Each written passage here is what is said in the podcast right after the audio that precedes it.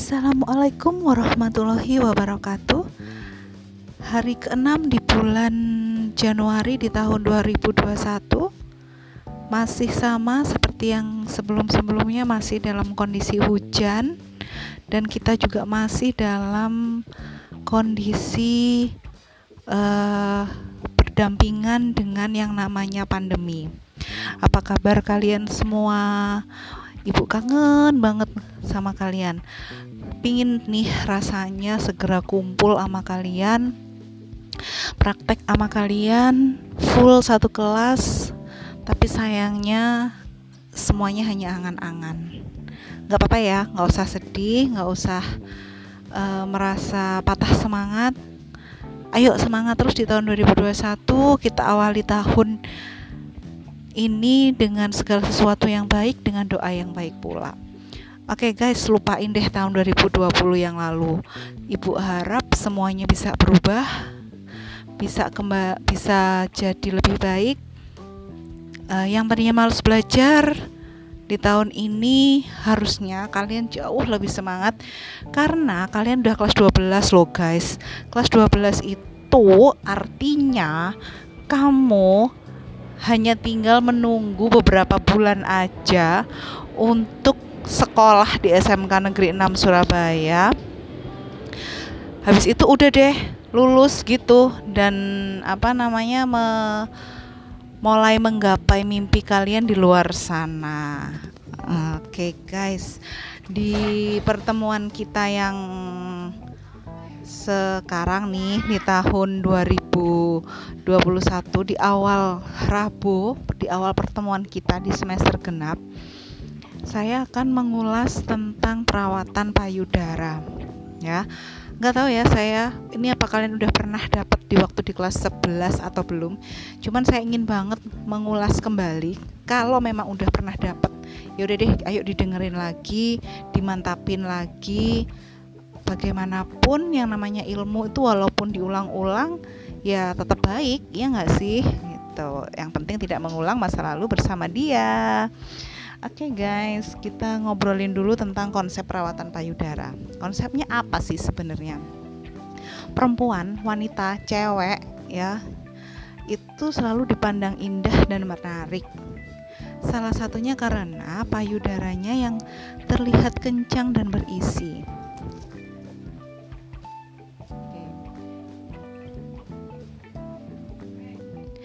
Di saat usia remaja, kondisi payudara tidak bermasalah. Keadaannya masih kencang, padat, dan berisi. Terus ketika kita udah masuk usia 30 nih, udah punya anak dan menyusui, otomatis ya kondisi payudara tuh bisa mulai menurun, kendur, dan nggak berisi lagi. Sehingga keindahannya amat bisa sangat berkurang. Oke. Nah, perubahan payudara itu sulit dihindari karena payudara itu sifatnya nggak punya penyangga. Jadi bisa berubah kapan aja. Jadi pada saat gadis otot-ototnya masih kuat untuk menyangga.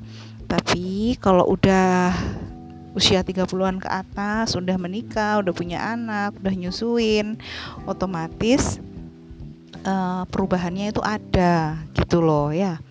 Nah, gimana caranya supaya tetap kencang, supaya tetap bagus? Ya, satu-satunya cara adalah melakukan treatment supaya memperbaiki kembali bentuknya, gitu. Nah, eh, pada umumnya payudara mulai terbentuk ketika seorang anak perempuan mulai menunjukkan tanda-tanda perubahan fisik yang bersifat kewanitaan, yaitu mengalami haid pertama kali Salah satu perubahan fisik yang mencolok adalah bertumbuhnya payudara. Payudara dibentuk dari kelenjar air susu, jaringan lemak, serat-serat penghubung, pembuluh darah yang didukung otot-otot pektoral yang berada di sekitarnya. Nah, otot-otot inilah yang mempunyai peran atas keindahan si payudara apabila tidak diperhatikan secara serius, oke, okay, ingat, apabila tidak diperhatikan secara serius, cenderung tidak akan menjadi indah, ya enggak sih? Apalagi kalau tidak dilakukan treatment. Oke. Nah, pada masa setelah kehamilan dan menyusui itu menjadi sangat penting untuk dilakukan treatment. Karena banyak bentuk payudara itu pasti mengalami perubahan yang semula membesar karena kehamilan. Kemudian pada saat menyusui otomatis akan berubah. Ya kalian bayangin aja deh ketika hamil payudara kalian gendut besar kemudian pada saat menyusui anggap aja gini deh kalian berpikir payudara itu semacam balon yang tadinya isinya air kemudian airnya dikeluarkan dari balonnya apa yang terjadi? Bayangin deh bayangin gitu aja. Nah itu yang terjadi ketika payudara kalian kendur setelah menyusui. Tapi tenang guys. Karena itu semua kodrat kalian nantinya menjadi seorang ibu jadi kalian nggak perlu takut ya udah deh kita lakukan treatment aja. Nggak usah panik nggak usah. Ntar aku nggak mau ah. Jadi ibu jangan sampai berpikiran kayak gitu ya. Nah selain treatment kita juga harus uh, ini nih memperhatikan penggunaan bra yang tepat untuk payudara. Jadi jangan uh, masih banyak banyak banyak hal sih yang yang harus kalian perhatikan pada saat pemilihan bra untuk menjaga bentuk payudara kalian supaya baik. Nah, silahkan kalian mungkin bisa browsing, nanti kalian diskusikan sama kita, sama saya, sama teman-teman. Uh, itu kira-kira uh, penggunaannya seperti apa. Nah, bagaimana caranya kalian bisa memilih bra dan lain sebagainya guys uh, ini nanti setelah kamu mendengarkan podcast dari saya ini saya akan nge-share ke kalian powerpoint. Di situ isinya tentang bentuk-bentuk payudara dan juga anatomi payudara. Ada sedikit penjelasan berupa uh, video yang bisa kalian tonton. Nah, uh, untuk pertemuan kali ini, kalian hanya mendengarkan podcast dari saya, kemudian buka PowerPoint-nya yang ada di Classroom. Kemudian di dalam PowerPoint itu ada beberapa yang sedikit yang perlu dibaca. Selain itu ada video. Paham ya? Jadi buka podcast, dengerin, lalu kamu kembali lagi ke classroom, buka classroomnya dan watch the video. Oke? Okay? Nah, untuk pertemuan selanjutnya nanti akan saya bahas di podcast selanjutnya akan saya bahas tentang bagaimana cara merawat payudara yang baik dan benar gitu ya. Oke. Nah, kembali lagi sebelum kita tutup nih podcast saya ulas sedikit ya jadi nama payudara itu sebenarnya ketika kalian mulai mengalami menstruasi atau haid pertama itu akan memiliki otot-otot yang kuat ya bagus dan berdiri tegak akan tetapi seiring dengan perubahannya payudara itu pasti akan berubah sesuai dengan usianya. Mungkin kalian yang masih di bawah usia 20 masih bagus, masih kenceng, ya nggak sih? Tapi setelah beranjak dewasa, banyak perubahan fisik yang akan kalian alami, termasuk si payudara ini. Kenapa? Karena ada masa-masa pubertas di mana produksi estrogen dan sekresi dalam ovarium ini dimulai. Hal ini yang merangsang penimbunan lemak dalam jaringan sel payudara sehingga payudara tumbuh. Nah, di usia 20-an pertumbuhannya masih bagus. Akan tetapi disarankan setiap enam bulan sekali mengukur ukuran bra karena saat bertambahnya usia, secara alami metabolisme akan melambat dan produksi jaringan kolagen pada tubuh sedikit demi sedikit akan berkurang sehingga payudara menjadi kurang padat saat usia bertambah. Nah, kemudian perubahan fibrokistik berupa benjolan jinak pada payudara sering kali terjadi di usia 20-an karena masih menyesuaikan perubahan menstruasi yang berkaitan dengan perbedaan hormon estrogen. benjolan ini biasanya memiliki rasa sakit. Apabila tidak sakit, dikhawatirkan berkaitan dengan kanker. Namun, untuk memastikan sebaiknya diperiksakan ke dokter. Dan kemudian setelah itu di usia yang ke-30-an, hamil, diet, berat badan naik turun. Nah, itu bisa aja membuat kulit serta payudara mengendur dan menurun ke bawah. Selain itu, mungkin aja di sekitar payudara kalian akan tumbuh stretch mark. Gimana cara menghambatnya? Ya olahraga, makanan tinggi kolagen, rajin makan buah-buahan yang tinggi vitamin, minum vitamin vitamin E, vitamin C supaya kulitnya kencang dan alami. Nah, di usia 40-an cowok ataupun cewek itu pasti akan mengalami penurunan hormon pada perempuan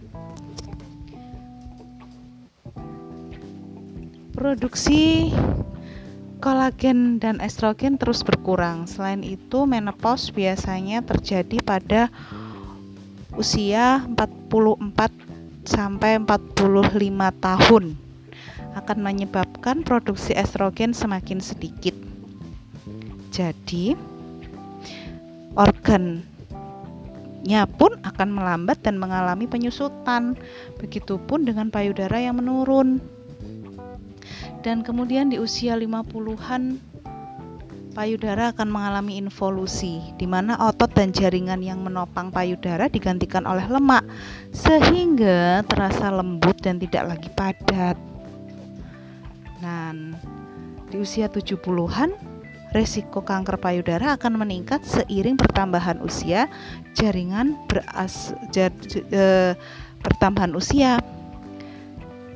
Jangan berasumsi setelah menopause kamu akan merasa terbebas.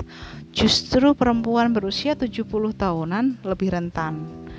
Untuk memantau perubahan payudara, perempuan harus utamanya yang usianya 40 tahunan, disarankan untuk rutin melakukan sadari atau pemeriksaan pribadi atau istilah medisnya mamogram. Nah, mungkin pernah dengar ya. Jadi yang namanya kanker payudara itu guys tidak hanya usia 70-an. Info yang karena sekarang gini ya, kanker itu tidak hanya menyerang orang-orang yang udah tua. Maaf nih, maaf banget usia-usia sekalian pun itu bisa saja terjadi yang namanya kanker oke nah bagaimana cara tahunya lakukan gerakan sadari atau pemeriksaan pribadi atau mamogram gini ya ini sekedar cerita aja guys kalau kita bisa praktek perawatan payudara kita akan bisa saling saya kamu dan atau temanmu kan nanti akan saling bersen, saling menyentuh. Nanti biasanya akan ketahuan di situ. Karena pernah ada cerita uh,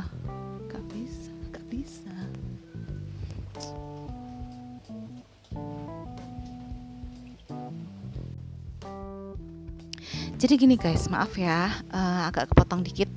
Jadi gini, pernah ada cerita setelah uh, beberapa tahun yang lalu kakak kelas kalian ketika kita praktek perawatan payudara kan otomatis ada kegiatan mendiagnosa kemudian masas nah dari situ ternyata kita temukan ada salah satu yang ada benjolannya nah akhirnya setelah didekati dibicarakan dicarikan solusi akhirnya si anak tersebut memeriksakan diri yang selanjutnya ke dokter. Dan kalian tahu apa kata dokter, guys? Ternyata benar, itu kanker. Dan untungnya, masih untung nih, masih jinak. Jadi masih bisa ditangani. Karena kalau mas sudah parah, bayangkan payudara itu harus diangkat satu. Ya nggak sih? Kalian bisa bayangin perempuan payudaranya cuma satu di usia yang sekalian bagaimana kalau itu terjadi nah untuk sementara ini kalian sebaiknya coba deh ayo kita setelah mendengarkan dari saya ini kamu ketika mandi lakukan kegiatan gerakan sadari kalau ada benjolan jangan takut bilang sama orang tuamu untuk memeriksakan yang lebih lanjut supaya tidak terjadi hal-hal yang tidak diinginkan. Nah, oke, okay, sudah ya itu. Uh, sebelum saya tutup guys, jangan lupa saya ingatkan setelah mendengarkan podcast dari saya ini masuk ke classroom dan buka uh, PowerPoint dari saya silahkan diikuti instruksinya. Oke? Okay? Gak ada tugas apa-apa, cukup mendengarkan dan membaca membaca, mendengarkan, membaca dan melihat untuk perawatan payudara. Untuk selanjutnya nanti akan saya sambung di podcast selanjutnya. Jangan bosan mendengarkan suara saya. Stay safe, stay healthy. Di musim hujan, jadi kamu harus selalu konsumsi vitamin-vitamin supaya badan selalu sehat positive thinking guys. Apa pun selalu difikirkan dengan hati yang tenang pikiran yang tenang dan jangan lupa bahagia. Wassalamualaikum warahmatullahi wabarakatuh